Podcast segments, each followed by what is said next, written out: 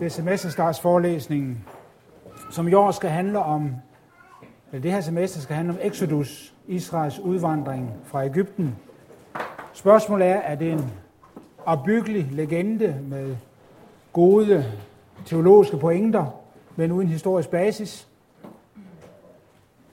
Eller er det noget, vi kan kalde for en grundlagshistorie, nemlig grundlaget for hele Israels historie som folk? Og der vil jeg også komme ind på noget af de aller nyeste fund, der er gjort i Ægypten, vedrørende netop den periode og vedrørende netop vores emne. Og noget, som slet ikke er kendt endnu, og som de allerfleste teologer er uvidende om, og derfor ikke tager i betragtning. Det vi ser her, det er fra et gravmaleri, som er malet, øh, fundet i en grav øh, fra cirka samme periode, som Israel udvandrer fra, øh, fra Ægypten ifølge Bibelen. Jeg skal vende tilbage til at forklare nærmere, hvad det er, vi ser. For et år siden var der en stor tysk teolog, der hed Gerhard von Rath, der døde for efterhånden mange år siden.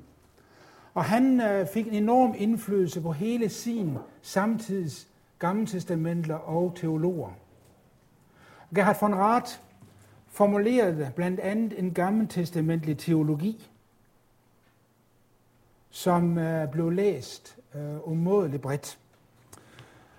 Og øh, når man skal formulere en gammel teologi, så er det altid et spørgsmål, hvor begynder man? Hvad er basis? Fordi gammeltestamentet er så, er, rummer så mange forskellige teologiske tanker, så det er, øh, det er svært at finde, finde, hvor skal man starte hen. For kan få det ret. der var startpunktet, eller fikspunktet, det var fortællingen om, hvordan Gud greb ind og frelste sit folk, da det var trælle i Ægypten. Altså netop beretningen om Israels ophold i Ægypten og Israels exodus. Det er jo velkendt, det behøver ikke blive repeteret her. For von Rath var det det grundlæggende, denne fortælling. Det er det, som er det afgørende anderledes i Gamle Testamente. Det, der gør, at Gamle Testamentet skiller sig ud fra sin samtid. Beretningen om Exodus og Guds frelse, og Gud befrier nogen, som var i slaveri. Og derfor rummer Gamle også en anden side, nemlig det, at Gud lovprises og tilbedes, netop fordi han frelser sit folk. Og det er det bærende i salmernes bog. Svaret på Guds gerning er tilbedelsen. Og det er altså grundlaget ifølge øh, Gerhard von Rath. Og der er ingen tvivl om, at Gerhard von Rath har fat i den rigtige ende. Forstået på den måde, at det er en yderst vigtig side ved Gamle Testamentet. Dette her med Israels exodus. Om det er den vigtigste, det kan man diskutere. Og hvorfor har han plads til skabelsen henne? Og hvad med alle de skrifter i Gamle Testamentet, hvor Israels exodus og Guds førelse sit folk i ørkenen, og Israels indvandring overhovedet ikke er nævnt? Det har Gerhard von Rath endnu meget store problem med. Så i hans Gamle Testamentet teologi, den handler ikke om 39 bøger i Gamle Testamentet, men om højst 28-29 stykker. Der er nogen, han ikke får plads til. Men det lader vi ligge her. Øh, det afgørende er, at denne store tyske teolog har fat i en meget vigtig pointe. For Exodus er et af de helt bærende temaer. Exodus støder vi på overalt. Det er velkendt som indledning til de 10 bud, hvor Herren siger, jeg er Herren din Gud, som fører dig ud af Ægypten af trællehuset. Her sigtes til udfrielsen fra et fangenskab, fra et plagsomt forhold.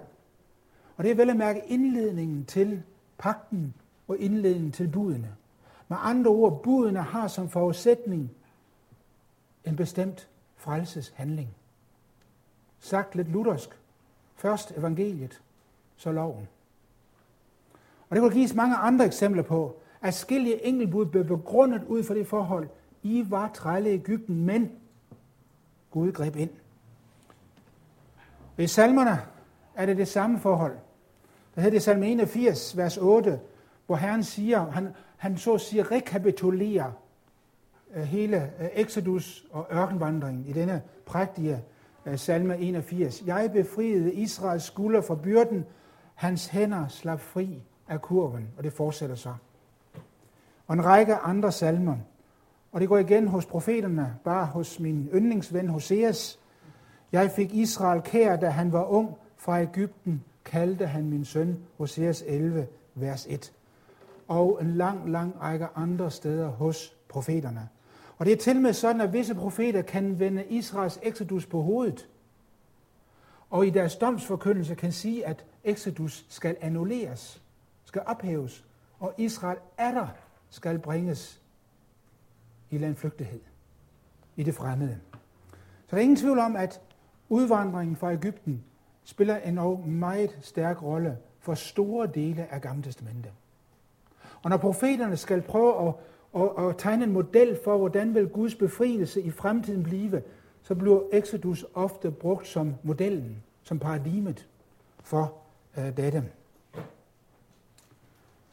Derfor er det nærliggende at tænke, at denne store begivenhed, som Gamle Testamentet bygger på og forudsætter er en faktuel, var en faktuel hændelse i historien, den naturligvis også kan godt gøres historisk og arkeologisk. Desværre er det ikke tilfældet. Der er ingen som helst arkeologisk bevidnelse for Exodus. Israel, Israels folk, er ikke omtalt overhovedet i nogle af de egyptiske kilder, vi har for den periode. Til trods for, at vi har et væld af meget forskellige arter af kilder og tekster og øhm, øh, tegninger osv. Men underligt nok er, mangler der en hver reference til et stort slavefolk i, på den periode i Ægypten. Moses kendes overhovedet ikke. Vi kender adskillige andre øh, folk af ikke-egyptisk baggrund, som får en høj position i det egyptiske samfund, men ingen ved navn Moses, som en prinsesse går hen og fisker op af Nilen. Der er heller ikke noget som helst vidnesbyrd i de tilgængelige egyptiske kilder om, at det egyptiske samfund skulle være, øh, skulle være blevet sat under pres som følge af en række meget voldsomme naturkatastrofer, der kom efter hinanden i løbet af 4 til fem måneder, og er med til at bringe samfundet næsten i opløsning. Det vi kalder de ni plager. Den tiende plage faldt ligesom udenfor af visse grunde. Også det mangler. Der er heller ingen information om, at en stor gruppe skulle have flygtet fra Ægypten. Vi har andre informationer om, at to slaver stikker af her, og en flok på en 3-4, en anden sammenhæng. Det er slaver stikker af, det kender vi. Men ikke af en, en, en stor, så stor gruppe, som der har været talt om ved Israels tilfælde. Der er de egyptiske kilder helt tavse. Og derfor er det, at mange forskere så også konkluderer, hele denne vidunderlige beretning, vi har i 2. Mosebog 1-15, det er en konstruktion. Den er skabt af fromme, velmenende præster en gang i eftereksils tid, da jøderne vendte tilbage fra landflygtigheden og trængte til en eller anden form for, for fælles grundforståelse, der på en eller anden måde kunne opilde dem i en vanskelig tid, hvor de var under dybt indtrykt, først fra de babylonske guder og senere fra persernes øh, vrimmel af, af, af guder. Man skabte så at sige en oprindelsesmyte. Vi har en professor i København, der hedder Niels Peter Lemke, som nogle af jer givetvis har stødt på. Han har lige udgivet en ny lærebog, og den, i hvert fald københavnerne, de får den som, som lærebog. Kom sidste år. Det gamle testamente mellem, mellem teologi og historie. Den historisk kritiske bibelforsknings storhed og fald. Nu er der ingen, der skal tro, at det er en øh, god, from og byggelig bog, som gør op med den historisk kritiske bibelforskning. Det gør den. Men øh, for Niels Peter Lemke, der er den historisk kritiske bibelforskning en fejltagelse. Den er ikke radikal nok. Han siger blandt andet, citat, og det er altså om begivenheden i 2. Mosebog. Exodus-begivenheden er sandsynligvis en myte, der er konstrueret af de gamle testamentlige historiefortællere, med det formål for øje at skabe en national oprindelseshistorie for det jødiske folk. Side 160. Sandsynligvis en konstruktion med det formål at skabe noget, som folket, der var dybt splittet, kunne få en fælles identitet på. Og lidt øh, nogle få sider tidligere tidligere der bruger han øh, decideret ordet en oprindelsesmyte. Og ved siden af det, jeg allerede har anført, at den manglende arkeologiske bevidnelse, så øhm, ligger Niels Peter Lemke især vægt på, at denne beretning om Exodus, alle dens teologiske kvaliteter, ufortalt, den passer ikke ind i noget som helst historisk scenarie, der kan stilles op i den periode fra ca. 1500 til ca. 1200 før Kristus. Det er ikke bare det, at den ikke er bevidnet, men vi kunne godt forestille os, at der kunne være forskellige grunde til, at det ikke var bevidnet, men kunne det så passe ind i noget af det, vi kender? Og der konkluderer han, at det er ikke tilfældet. Vi kan simpelthen ikke få den historie til at passe ind. Ergo, det er spin-off, øh, som er skabt mange hundrede år senere. Så vidt Niels Peter Lemke. Hvis vi lige øh, indledningsvis øh, spørger os selv, hvornår har udvandringen fra Ægypten fundet sted, hvis der har været en udvandring? Ja, ifølge Gamle Testamente, så er der en klar svar på det spørgsmål. Øh, den bibelske datering, det er cirka 1450 til 1430, 20 før Kristus. Der er tre forskellige uafhængige øh, faktorer, som alle tre leder i den retning, cirka 1450 før Kristus. De videnskabsfolk og de forskere, som antager, at der har været en udvandring, øh, de få, der er tilbage, der gør det, det er ikke ret mange efterhånden, de siger noget senere, ned omkring 1260 til 1230 før Kristus. Det har altså visse grunde til. Altså det er inden for det spand, vi skal eventuelt finde noget, der kan øh, lede os i retning af det historiske for udvandringen. Og det vil sige, at vi er Ægyptens historie i den periode, der er omfattet af det 18. og den 19. dynasti. Ægyptens historie dækkes, deles ind i en række dynastier, 30 i alt. Den første begynder omkring år 3100 før Kristus, og det hele slutter med den yndefulde Kleopatra, der, for, der forstyrrede alle mænd i hendes omkreds omkring år, år 30 før Kristus. Og her er vi altså i det 18. eller det 19. dynastis tid. Det er Ægyptens storhedstid. Det svarer til USA's formåen efter 2. verdenskrig. Det var Ægypten, der var stormagten på det her periode. Og det er altså den periode, at vi søger måske øh, det historiske for udvandringen. Det absolute nedre grænse for, hvornår udvandringen kan have fundet sted, det er året 1209. Og det er denne stumsten her, som bestemmer det. Det er et sejrsmonument, som en af faraonerne i den 19. dynasti, fra Romanefta han lod rejse. I hans femte regeringsår, der fører han et krigstok med nogle af naboerne, og efter hans egen udsagn, så banker dem så godt og grundigt, så der er ikke noget at begrave af dem. Helt til slut, i øh, ned, nederst på den, der har vi øh, denne lille sorte plamage. Det er ikke et hul i teksten, men det er det sted, hvor navnet Israel forekommer. Navnet Israel. Det er den første forekomst uden for Bibelen af navnet Israel. Og hvis vi tager et oversættelse af den, det afsnit, så siger noget i retning her. Vi springer over en masse indledende manøvrer og går helt ned i bunden. Så konkluderer man efter med at sige, citat, Plyndret er Kanaan med alt ondt. Bort væk er Ashkelon. Fanget er Gezer. Januam er gjort ikke eksisterende. Israel er lagt øde. Det sæd er ikke mere. Det er selvfølgelig den sætning, vi skal blive mærke i. Og Haru, det sydlige Ægypten, er blevet enke. Citat slut. Der nævnes tre byer. Askelon, Gezer og Januam. Askelon, velkendt i dag, ligger på det moderne Israels sydvestkyst. Get en dag bare en sølleruinhøj. Uh, øh, ligger lidt, større op, øh, lidt længere op i landet, tæt på nuværende lufthavn, øh, Ben Gurion. Og Januam ligger op ved sydenden af Genesrets sø. Lå, den eksisterer ikke mere. Altså tre byer nævnes på række rækker fra syd gående midt igennem landet til nord ved Genesrets sø. Læg mærke til, hvad det hele er indrammet af. Det er indrammet af to store områder. Kanaan først, og så Haru, som var det egyptiske navn for det sydlige Syrien Golan-områder. To store områder, tre byer, og så ind midt i det hele nævnes så Israel, der er fuldstændig lagt øde og gjort ikke eksisterende. Øh, det, at øh, man efter praler have fuldstændig kvadret det hele, det skal vi ikke lægge, tillægge for stor betydning. Det er sædvanlig faraonisk overdrivelse.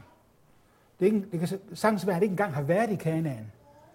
Øh, det er mestendels pral. Typisk for faraonerne, øh, som de havde deres øh, gode grunde til. Men læg mærke til, midt i denne kontekst, med store geografiske enheder som Kanaan og det sydlige Syrien, og store byer som Ashkelon, Gets og Janum, nævnes altså også Israel.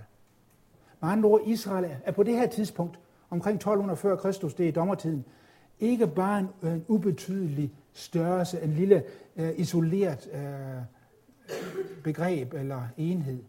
Israel var så stor og så synlig, så det gav mening i Ægyptens kontekst, at når man skulle fremhæve, hvor meget far, far Manefter havde urettet, så var Israel relevant at nævne. Som sagt er det det første sted, Israel nævnes uden for Gamle Testamente. Og det siger altså, at på det tidspunkt har Israel været i Kanaans land. Og Israel må have været en rum tid for inden. Der er intet, der tyder på, at Israel først er kommet til Øh, lige op til 1200 og, og, og 9-10 stykker. Så det er den nedre grænse for, hvornår øh, udvandringen kan, fra Ægypten kan have fundet sted. I dag skal vi prøve at se på tre ting. Hvorfor er de egyptiske kilder så tavse, som tilfældet er? For det andet, når vi ikke har nogen direkte vidnesbyrd, har vi så nogle mere indirekte. Nogle, som på en eller anden måde illustrerer det, som er er skildret i anden Mosebog og andre steder om øh, opholdet i Ægypten og udvandringen. Og endelig det sidste, det blev noget om det allerseneste udgravning af byen Ramses, som israelitterne blev sat til at opføre. Allerførst, hvorfor denne tavshed? Hvorfor er Israel ikke nævnt overhovedet?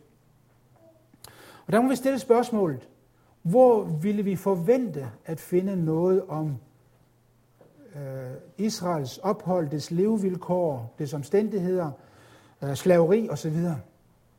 Ja, det ville vi gøre i almindelige dag, dag-til-dag tekster, informationer, optegnelser, breve, der sendes fra, fra provinsen ind til øh, regeringen eller til farao.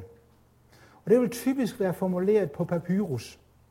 Papyrus, der er udvundet af papyrusplanten, det er let at have med at gøre, det er let at skrive på, det er let at sende, det vejer næsten ingenting. Problemet er, at papyrus er rimelig skrøbelig. Og nu blev Israel jo netop placeret i Nildeltaget. Det var der, de fortrinsvis øh, øh, gjorde slavearbejde med faraos byggeprojekter. Og Nildeltaget blev tidligere oversvømmet hvert eneste år.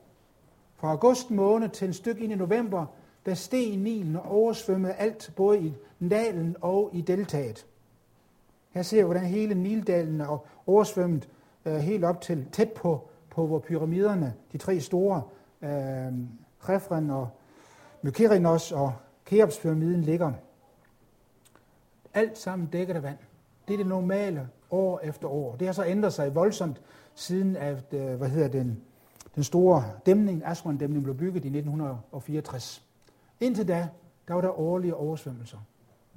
Det er godt for bønderne, det er skidt for arkeologerne.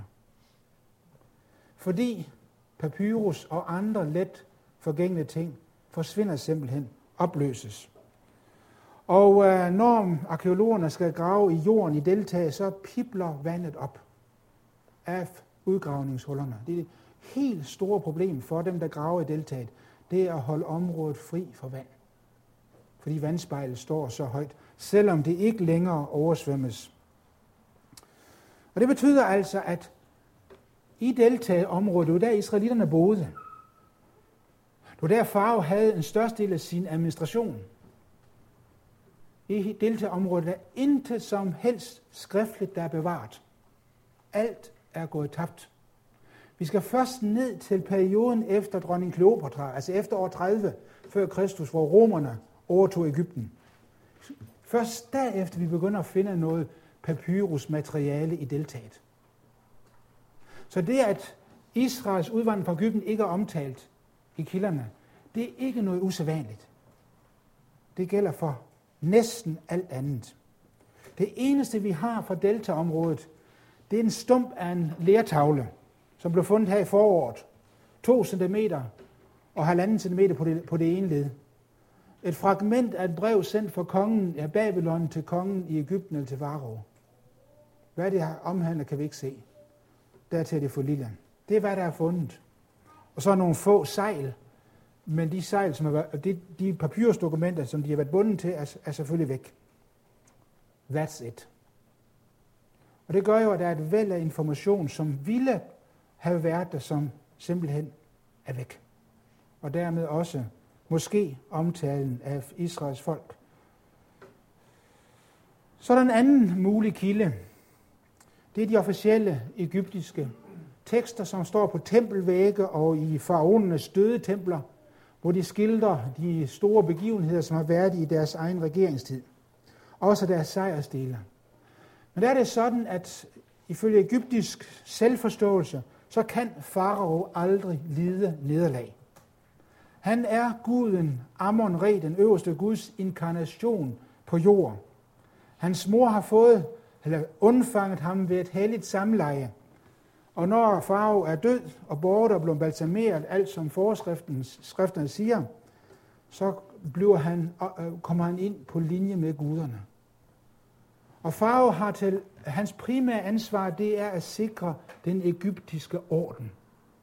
Ma'at. Det er hans ansvar, at denne ma'at ikke trues. Og er der noget, der truer ma'at, altså orden, så er det, hvis farve lider nederlag i krig, eller hvis der kommer hungersnød, eller hvis de årlige oversvømmelser udebliver. Og nu øh, hænder det jo indimellem, at farven lider nederlag.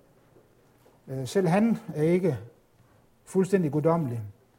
Og der havde man altså en strategi for de, de tilfælde, det var, at enten omtalte man det ikke, eller også omskrev man det, og fremholdt det som øh, sejre.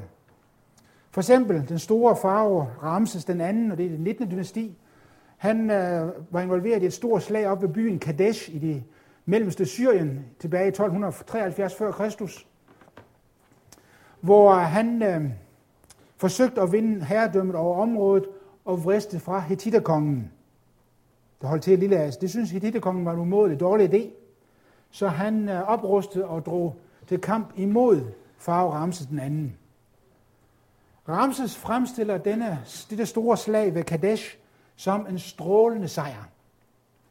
Som vi ser det på et relief ved, hans, øh, øh ved, ved templet i Karnak, hvor her til venstre hans store sejrrige stridshæs rejser sig fyret og tramper fjenderne ned – Øh, de egyptiske soldater angriber øh, de hittitiske øh, arme hittite soldater, som er fuldstændig forvirrede og mål, målløse og rejseslande og an, øh, anråber deres Gud om hjælp øh, til ingen nytte. For farve vender sejr, og hans stridsvogn knuser simpelthen øh, modstanderne, ubarmhjertet og skånselsløst.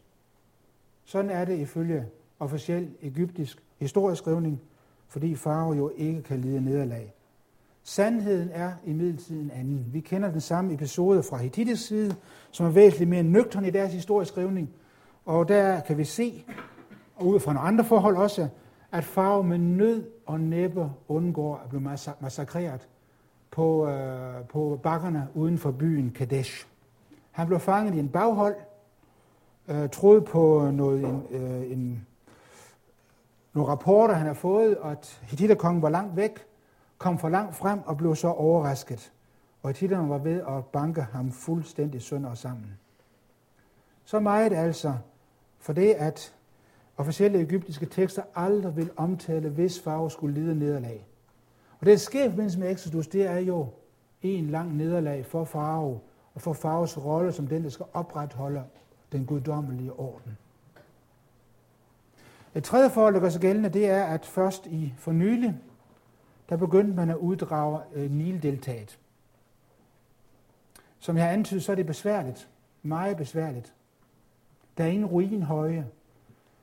Øh, resten af de gamle byer hæver sig bare ganske svagt i terrænet. Du skal grave midt imellem øh, arabiske fællagers øh, marker, de er da ikke interesseret i at afgive noget, der er små jordløjer, for at den, en eller anden storsnudt arkeolog fra Europa kan komme og grave i det. Det er yderst vanskeligt. Så arkeologerne har holdt sig væk fra Niltiltaget. Det er langt nemmere at grave i ørkenen, hvor, øh, hvor vi finder alle gravene og pyramiderne osv. Så først i 1968 begyndte man på det område, Gosens land i østlige Nildelta, som, som øh, Bibelen siger, at Israel slog sig ned, og Israel øh, blev sat til at udføre trællearbejde. Det er det område, som vi i dag kalder Tel et Daba, og det skal jeg vende tilbage til til et Daba. Altså skal vi sammenfatte, der er en række gode grunde til, at de egyptiske kilder er tavse. Vi kan det sige, sådan må det være.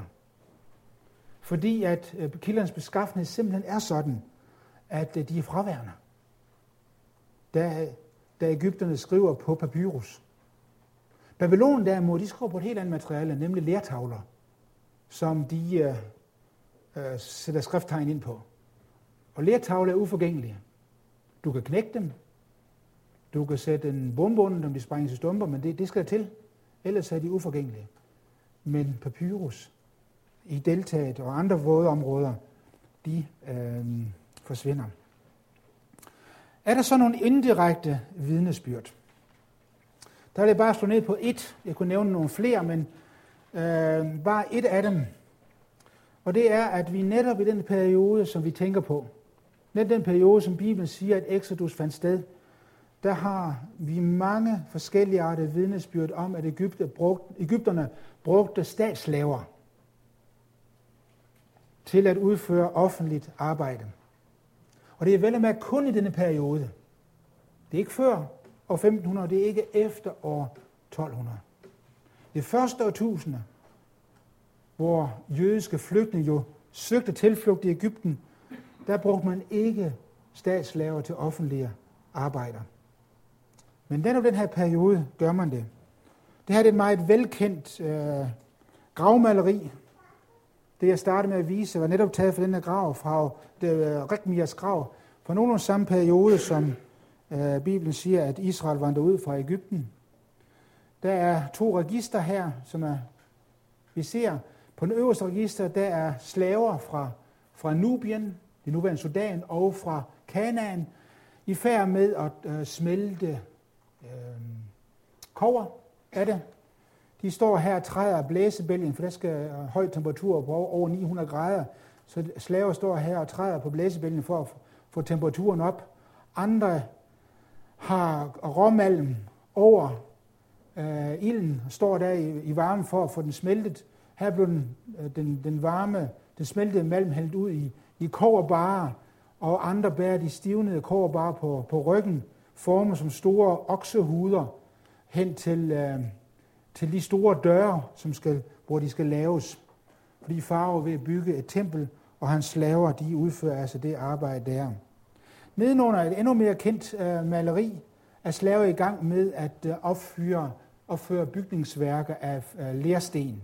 Her nederst til højre ser vi, at de øh, hugger leret løst af jorden og bearbejder det med fødderne og gør det plastisk og smidigt.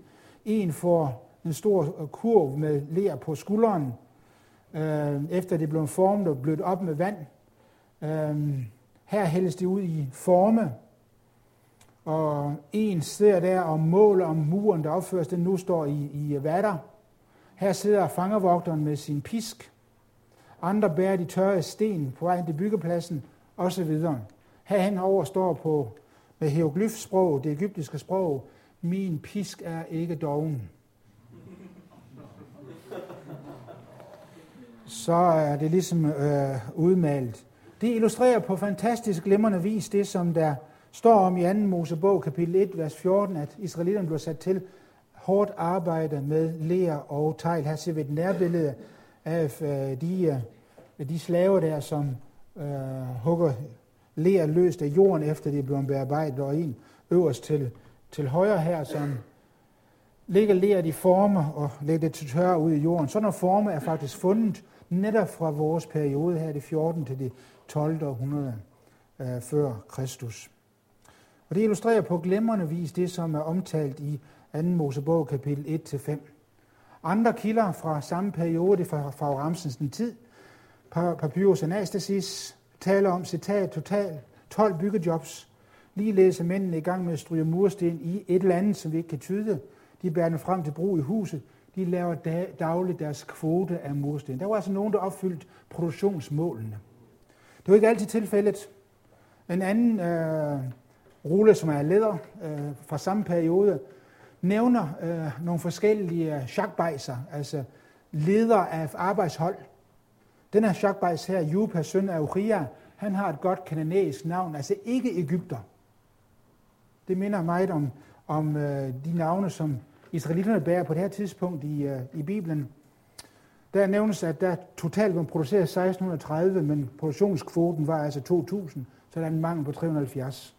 Så det er ikke altid, målene bliver, bliver opfyldt.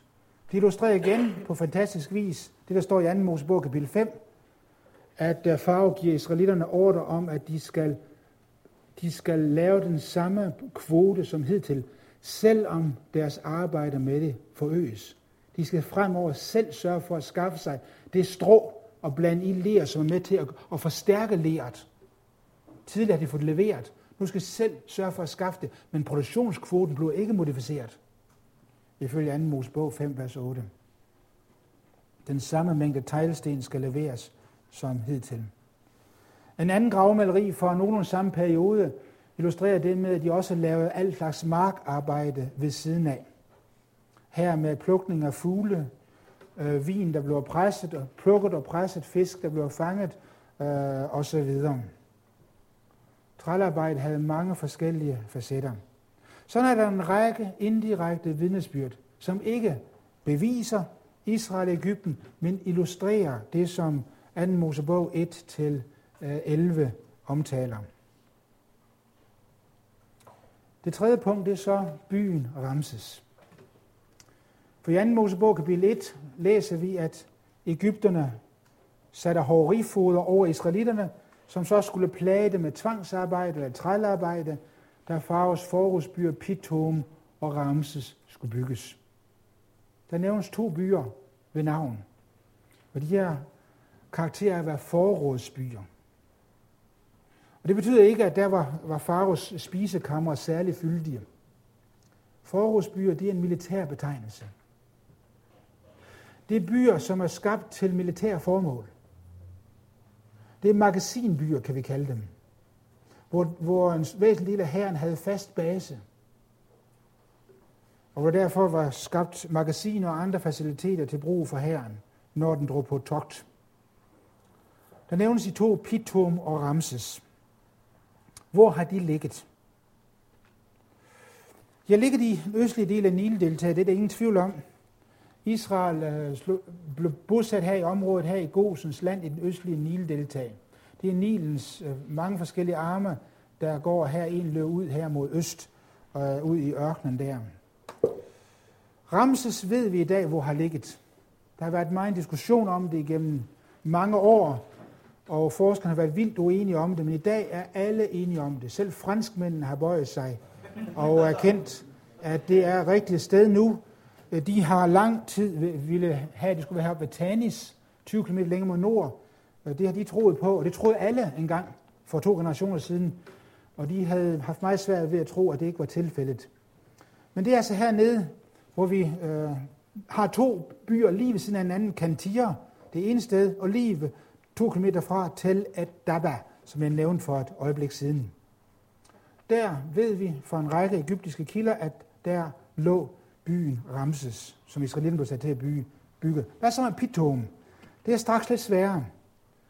Øh, den er vi ikke sikre på, men et godt bud er, at den skal søges der ved Tel Er Reteba. Jeg skal ikke øh, plage med, hvorfor det er mere usikkert. Øh, en væsentlig grund er, at det langt fra udgraves så godt som ved, øh, ved Tel Edaba. Men Ramses ved vi præcis, hvor har ligget henne. Byen Ramses var en umådelig vigtig by i Ægypten. Den lå derved, hvor Horusvejen begyndte. Horusvejen, som forbinder Ægypten med Palæstina. Den eneste adgangsrute fra Ægypten langs Middelhavet til Palæstina. Det var den vej, som hæren skulle følge. Og derfor var byen Ramses oplagt som opmarschby og startsted, når, når farve tog på togt op øh, mod Kanaan og Syrien. Det var også der, alle de handlende kom.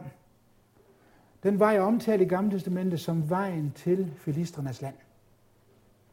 Som israelitterne netop undgik, fordi der var så mange egyptiske befæstningsanlæg langs denne vej. Det er et svært sted at udgrave. Der er mange moderne arabiske landsbyer. Det er intensivt landbrugsområde i dag. Og øh, sådan et sted, hvor der har været en gammel by med, de, med resten af de gamle mursten, det er umådeligt frugtbart. Og det gør det ekstra godt at dyrke der, så det har øh, de arabiske øh, øh, landarbejdere og bønder selvfølgelig gjort, så det har ødelagt utrolig meget. Det er meget fugtigt i området. Det ligger kun 1-3 meter over, over havet. Og indtil ca. 1960, der blev det årligt oversvømmet. Her lå Nilens hovedarm, hovedudløbsarm. Det lå netop her. I dag ligger den et helt andet sted, men dengang lå det der. Man begyndte først at udgrave der for forholdsvis nylig i Kantia af en tysk ved navn øh, Emil Piech siden 68, og så er østrigeren Manfred Biertak fra 1975, og han graver fortsat også i år. Han har gjort det nu i adskillige år. Øh, imponerende stykke arbejde, og det har virkelig revolutioneret vores forståelse af Ægyptens historie. Her ser vi et øh, kort over området til et Daba. Dengang gik Nilen, hovedgrenen af Nilen, tæt forbi byen, fordelte sig i flere arme og løb så videre mod nord og ud i Middelhavet. Og på svage forhøjninger, der begyndte man så at bygge byen, og som voksede og voksede under Farve Ramsens store voksen også herover og blev til Mellemøstens største by overhovedet. Svarer lidt til øh, New York City og Mexican City og, øh, og, og øh, Rio de Janeiro lagt sammen. Datiden. Så stor blev den. Og når det var oversvømmet, som det jo gerne var en gang om året, så blev også disse lavt vandede områder, lave områder her ind imellem oversvømmet, så var kun nogle øer her tilbage. Øhm, det er det område, hvor vi finder resterne af det Ramses, som israelitterne blev sat til at bygge op. Øh, her løb Nilen en gang. I dag er det marker. Vi ved ikke, hvor bredt præcist Nilen var på det tidspunkt. Vi har, man har, må jeg hellere sige, jeg har ikke været med til det, uh, man har fastlagt, hvor østgrænsen for Nilen er, og man har forsøgt ved prøveboringer, læste det for nylig, at få fastlagt, hvor bred var Nilen egentlig på det tidspunkt. Og man har endnu ikke fundet venstre bred, selvom man er kommet over øh, 400 meter mod vest. Så det har været umådeligt bred på det, det sted der. Øh, så det er et gæt, øh, at man lige lader floden have den bred, Den er formentlig været endnu bredere. Det er altså det område, hvor Nilen engang løb. Lad os prøve at tage et kort vy over til et historie, for den er umådeligt interessant, også for os. Byen begynder som en bitte lille landsby, som befæstningsanlæg, så langt tilbage som 1950 før Kristus. Det er altså perioden kort før Josef kommer til Ægypten. Der har Ægypten et problem, nemlig at de møg elendige kananæer, de kan ikke holde sig væk. Hele tiden er der kananæiske hyrder og beduiner, som synes, at det er så rart at komme til Nildeltaget og slå sig ned med deres flokke af får og geder og udtrækket, og hellere være der, frem for at nøjes med de mere sparsomme øh, marker og skråninger i øh, Kanaan. Så der bygges en kortvej, eller en lille befæstning der. Men det kan ikke holde den kananæiske indvandring tilbage. De næste 150 år fra 1900 til ca. 1750, der ser vi forskellige landsbyer, der opstår, og det er udelukkende folk fra Kanaan. Og det er samme periode, som øh, Jakob og hans familie slår sig ned ifølge Bibelen. Interessant nok. Og vi kan se på bebyggelsen, det er udelukkende beboet af folk, som for det første er hyrder, for det andet er kommet udefra, og for det tredje har beboelsespraksis øh, og keramik osv. fælles med Kanaan. De kananerer, de ikke Ægypter. Indvandringen fortsætter i området. Nu skabes den større by. øh, fra 1750 til 1650 en meget stor by. Øh, det bliver en metropol i området, og udbygges der bygges templer for egyptiske guder i øh, den periode. Stærk, stærk kananæisk befolkningselement. Omkring 1650 sker der noget. For nu kommer der en ny gruppe af kananæer ind, så under, øh, som vi kalder for Hyksos. Hyksos ankommer. De kananæer ligesom dem, der har boet der i, i mange generationer. Men øh, Hyksos tager simpelthen magten, ikke bare i byen her, men over hele deltaget. Og de skaber en selvstændig rige. Ægypterne bliver underlagt Hyksos, og Hyksos tager magten både i deltaget og langt op af Nildeltaget. Og den selvstændige egyptiske farve, han får en lille område langt oppe øh, mod, øh, mod syd. Og i en periode er han til med vasal under Hyksos. Og må betale årlige afgifter. På et tidspunkt blev byen altså hovedstad for Hyksos. Og får nu navnet Avaris. Der bygges en lang række paladser i byen. Floden er øh, intens trafikeret. Byen får et område på over 250 hektar. Det er en enorm stor by. Øh, en kilde taler om, at i løbet af et år kunne 300 skibe anløbe byens havn, komme ind ud fra Middelhavet. Altså 300 handelsskibe. Der var en intens trafik her. Fra 1650 til 1550. Så sker der noget cirka 1550. Det er ligesom en, et, et, et skifte. For så kommer der en ny dynasti til. Ægypterne erobrer deltaget tilbage. Under en ny farve, der hedder farve Achmose, og så hans bror Kamose, grundlæggerne af det 18. dynasti. De giver øh, Hyksos et los i røven, bogstaveligt og direkte. Hyksos fordrives, Avaris brændes af og øh, jages ud af hele deltaget. Og Ægypten tager på ny magten. Men den oprindelige semitiske befolkningsflertal blev ikke jaget ud. De kom bare under egyptisk herredømme. Det er kun Hyksos, der får, får sparket. Og så sker der noget. Den nye egyptiske 18. dynasti fortsættelse udbygningen af Avaris. For byen ligger stadigvæk strategisk ved, ved hovedudfaldsåren, øh, hovedgrenen af Nilen. Byen får et nyt navn, der hedder Peronefa. Det betyder smuk rejse, eller skøn rejse, eller god rejse. Fordi den er udgangsporten til øh, omverdenen. Store befæstningsanlæg bliver bygget, mange militæranlæg, mange magasiner og templer til rådighed for soldaterne. Nye kongelige paladser grundlægges osv.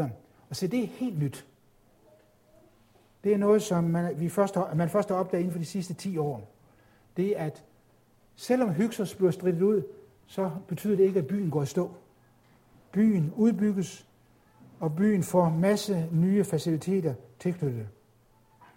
Og der, hvor byen især blev udbygget, det hele det område her markeret med rødt, med stort parladsareal herude mod Nilen, og store officielle kvarterer, som bygges her som nye kvarterer udenfor. De er ikke udgravet nu, men det har man kunne se, at de ligger der. Og det er altså fra ca. 1550 til 1450 f.Kr. Kristus. Her ser vi resterne af disse store paladser, mange meter brede fundamenter af flersten. Læg mærke til, at de ligger lige under overfladen. Det skal kun lige to spadestik ned, så er man tilbage i resterne fra Moses' tid. Og læg mærke til, at den arabiske landsby ligger klods op og ned hen over resterne af en af disse store, store paladser. Det strækker sig fra mellem 1550 og 1450, mellem den tid, hvor det farve Akmose tog over og erobrede Nildeltaet tilbage, og så 100 år frem. Så sker det et eller andet. Byen går i stå. Den udbygges ikke mere. Aktiviteterne ophører. Paladset forlades. De store bygninger får lov at forfalde. Byen eksisterer stadigvæk. Men farve flytter af en eller anden grund. Og det er som, at byen mister betydning. Og med tiden i løbet af måske 30-50 år, så begynder man at genbruge øh, paladsmurene og murstenene til andre byggerier. Det hele får bare lov at forfalde. Der, man bruger en til med område som gravplads for almindelige, simple folk. Det store spørgsmål, hvad i verden er der sket? For byens vigtig, er stadigvæk umådeligt vigtig. Farve har stadigvæk behov for at have kontrol med sin besiddelse op i Kanaan. Men han bruger det ikke længere. Og udgraverne har ikke noget bud på, hvorfor. Hvad, hvad for en hændelse, der har gjort, at byen er blevet opgivet som, som centrum. De foreslår, at en pestepidemi kan have ramt byen. Og det er muligt. Men det er et gæt. Vi har ingen som helst kilder, der, der peger på det, eller, eller kan, kan stadfæste. Byen ligger altså stille nu i 150 år, helt frem til år 1300, hvor så det 19. faraonske dynasti kommer til med Ramses den første og Ramses den anden især. Og Ramses den anden, han regerer særdeles længe, han er særdeles aktiv, både i ægtesengen og udenfor, får umådeligt mange børn, og med lige så mange koner, og bygger og bygger og bygger. Han er, Frank, han er Ægyptens Napoleon, bare ganget med tre. Før umådeligt mange felttog udvider Ægyptens øh, herredømme. Og han gør nu byen til sin hovedstad. Og giver den nu navnet Ramses. Indtil nu har det heddet Peronefra. Men han giver den så navnet Ramses, og det er det navn, den har i 2. Mosebog kapitel 1, vers 11. Det er navnet Ramses. Og den får nu en areal på 10 kvadratkilometer. Og det blev da, øh, da, den datidige verdens største by overhovedet. Og som et lille spærfærdigt vidnesbyrd om, hvor stort det har været, at en stump af en kolossalt statue, som Ramsen anden lå opstillet på stedet, øh, hvor vi bare ser den nederste fundamenter, søjlebaser, og så, eller, eller base for, for statuen med øh, fødderne. Den har været en 10 meter høj, eller sådan, øh, statue af fra Ramses den anden. Men det var kun kort tid. Så sander Nilen til. Byens havn kan ikke længere besejles. Det var målet at komme til med de store skibe, og byen mister sin betydning. For kan man ikke sejle det til, så kan man ikke bruge den. Og øhm, omkring 1080, 1070, måske 1050, så opgiver man simpelthen byen. Man flytter hovedstaden 20 km længere på nord til en anden del af Nilen. Hele byen blev afmonteret. Alle templerne blev pakket ned i kasser og nøje nummereret og flyttet. Og så blev det hele genopført. Til en ny by, der hedder Tanis, eller som gamle testamentet kalder for Soan. Og det vil sige, at efter 1050, så er der ikke længere nogen by på stedet.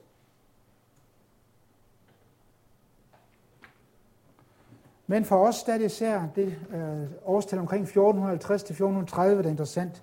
Hvad er det, der gør, at netop byen går i stå? Hvad er det for, for farve til at flytte fra byen?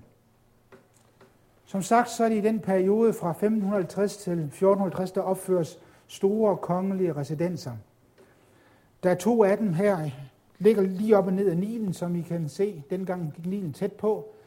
Øh, inden for et stort indelukker var der to store paladser, et mindre og et større, med stor åben forgård. Og de besøgende gik op ad en lang rampe her, ind i forgården, tvættede sig her yderst til venstre, inden de var klar til at træde frem fra farao gik ind gennem et forhal, og så har Farao sit audiens- og modtagelsessal her indenfor. Alt det, der er jo væk i dag, det eneste vi finder, det er fundamentresterne, som viser, at der har været denne store, store bygning. I dag ved vi faktisk, at der ikke bare har været to øh, paladser, der har været et tredje her ved siden af, det er det nyeste. Plus der er en anden stor offentlig bygning, som er begyndt at komme frem her, med hvis funktion vi ikke kender endnu. Så det har været et intenst øh, royalt område her, som naturligvis har gjort, at øh, Farve har kunne være til stede over lange perioder. Har et forsøg på at tegne, hvordan det store palads, Palads G, kan have set ud med øh, rampen op, det store åbne areal og søjlegangene rundt om. Der har været meget veludsmykket med kunst på væggene. De fornemmeste kunstnere, internationalt kendte, har været kaldt hed og øh, de egyptiske øh, skulptører var ikke gode nok. Det var folk fra Kreta, fra den minoiske verden, og de har malet deres i god minoisk stil fra 17-1600-tallet. Øh, tyre, sådan det er typisk for, for minoisk kunst. Øh, tyre, der, der springer afsted, og unge atletiske mænd, der springer hen over ryggen på den. Øh, som vi kender fra paladset på Knossos i øh, Kreta. Spørgsmålet er, hvorfor går byen, denne store by i rivende udvikling, så i stå? Den, der var farve på det tidspunkt, han hed farve Amenofis den anden, eller Amenhotep den anden. Regerer fra ca. 1436 til 1412. Hans forgænger, hans gode fader, han var en særdeles dygtig krigsherre. Og far Amenhotep, han forsøger også at følge fars fodspor. Der sker bare et eller andet, som gør, at efter hans syvende regeringsår, så er han ikke længere interesseret overhovedet i at føre feltog. Han fører to feltog op i Kanaan, men da det kom til hans syvende regeringsår, så går alt det i stå af en eller anden grund. Denne far, Amenhotep, han var usædvanligt brugende i sine unge dage. Faraoen er storpralende normalt, og at de øh, roser sig af deres bedrifter, det er intet særsyn. Men øh, den denne farve, Amenhotep den anden, som vi ser her, som bærer den egyptiske dobbeltkrone, han øh, var, øh, overgik alligevel langt de fleste.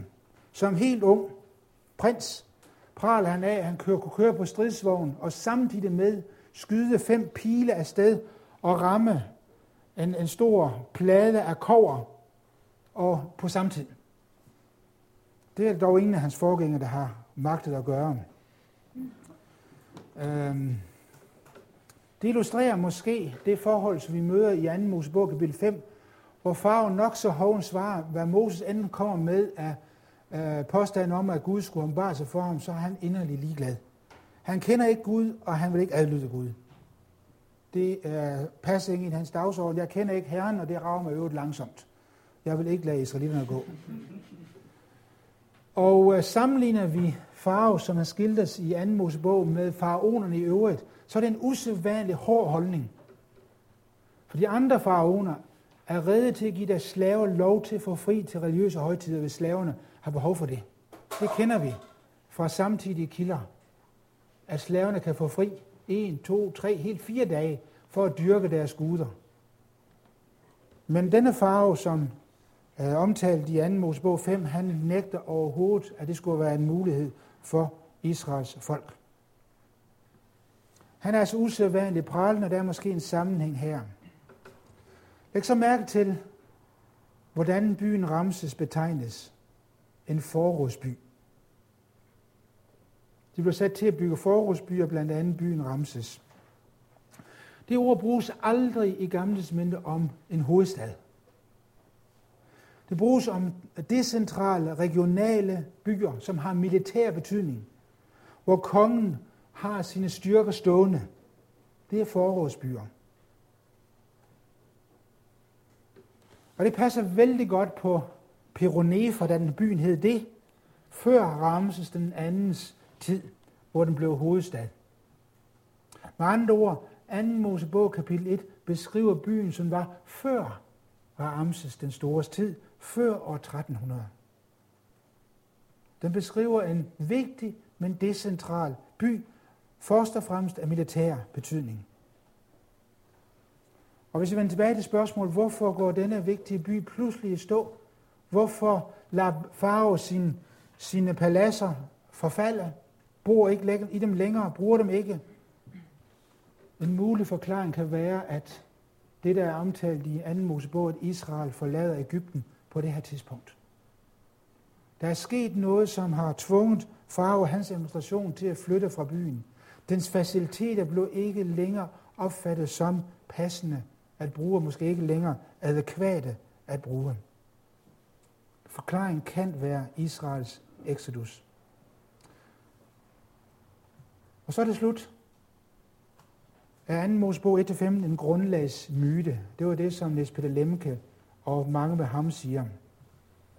Det helt nye, som de nyeste udgaven peger på, det er, at der faktisk var i byen, som på det tidspunkt hed Peronefer, der var der en kongelig område, et stort kongeligt område med forskellige faciliteter, og udenom det var der øh, offentlige øh, kvarterer med skriverfaciliteter. Lige op og ned i Nilen. Det matcher jo, at øh, anden Mosebog fortæller, at det spæde drengebarn Mose blev fundet af øh, en prinsesse ved Nilen, og der er umiddelbart øh, kontakt til øh, de hebraiske slaver, så han kan blive passet der. Og da Mose er voksen, der har han direkte og umiddelbar uhindret adgang til farve. Han skal ikke rejse afskillige dage op ad Nilen for at møde farve i hans hovedstad. Det har man tit sagt, det er en afgørende hindring imod, at Exodus kan være, at bogen Exodus, anden Mosebog, kan være autentisk historisk set. Fordi Farve slet ikke havde hovedstad der. Han var der ikke, der var ingenting, bortset fra, at altså, det var en stor militærby. Men da de sidste 10 års udgravning viser, at det er faktisk tilfældet. Farve var der, og øh, opholdt sig i lange tider i Peronefa. Øh, indtil cirka 1450-1430. Og en eller anden grund, så bliver denne by forladt. Den får lov at gå i stå. Den beboes stadig af mange mennesker, men kongen er fraværende, og en stor del af administrationen er også fraværende. Og det område, hvor kongen holdt til, det forfalder. Og skildringen i 2. Mosebog passer udelukkende med den periode her, og ikke med det første årtusinds Ægypten. Ikke med perioden omkring det 5. århundrede i Ægypten eller det 4. århundrede.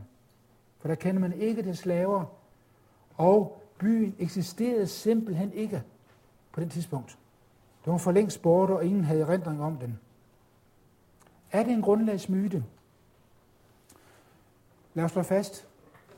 Der er stadigvæk ikke fundet noget som helst historisk bevis for, at Israel er, har været i Ægypten eller er udvandret derfra. Men nu kan vi slå fast, at det, der er fundet, det passer til anden Mosebog, det er det rigtige sted. Det østlige del af Nildeltaget.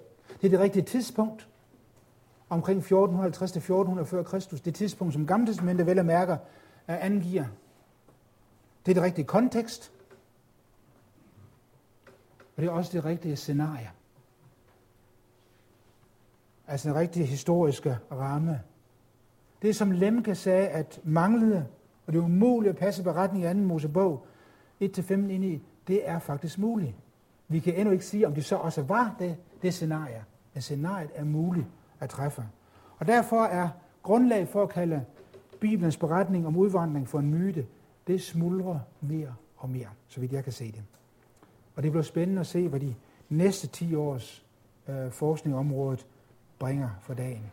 Og lad mig slutte med ordene fra 5. Mosebog kapitel 4, hvor Moses siger, har nogen Gud forsø- før forsøgt at hente sig et folk ud af et andet folk ved hjælp af prøvelser, tegn og under med krig, med stærk hånd og løftet arm, og med store og frygtindgydende gerninger, sådan som Herren jeres Gud gjorde med jer i Ægypten for øjnene af dig. Exodus er mere end bare en beretning om noget, der er fundet sted. Exodus er først og fremmest et vidnesbyrd om Gud.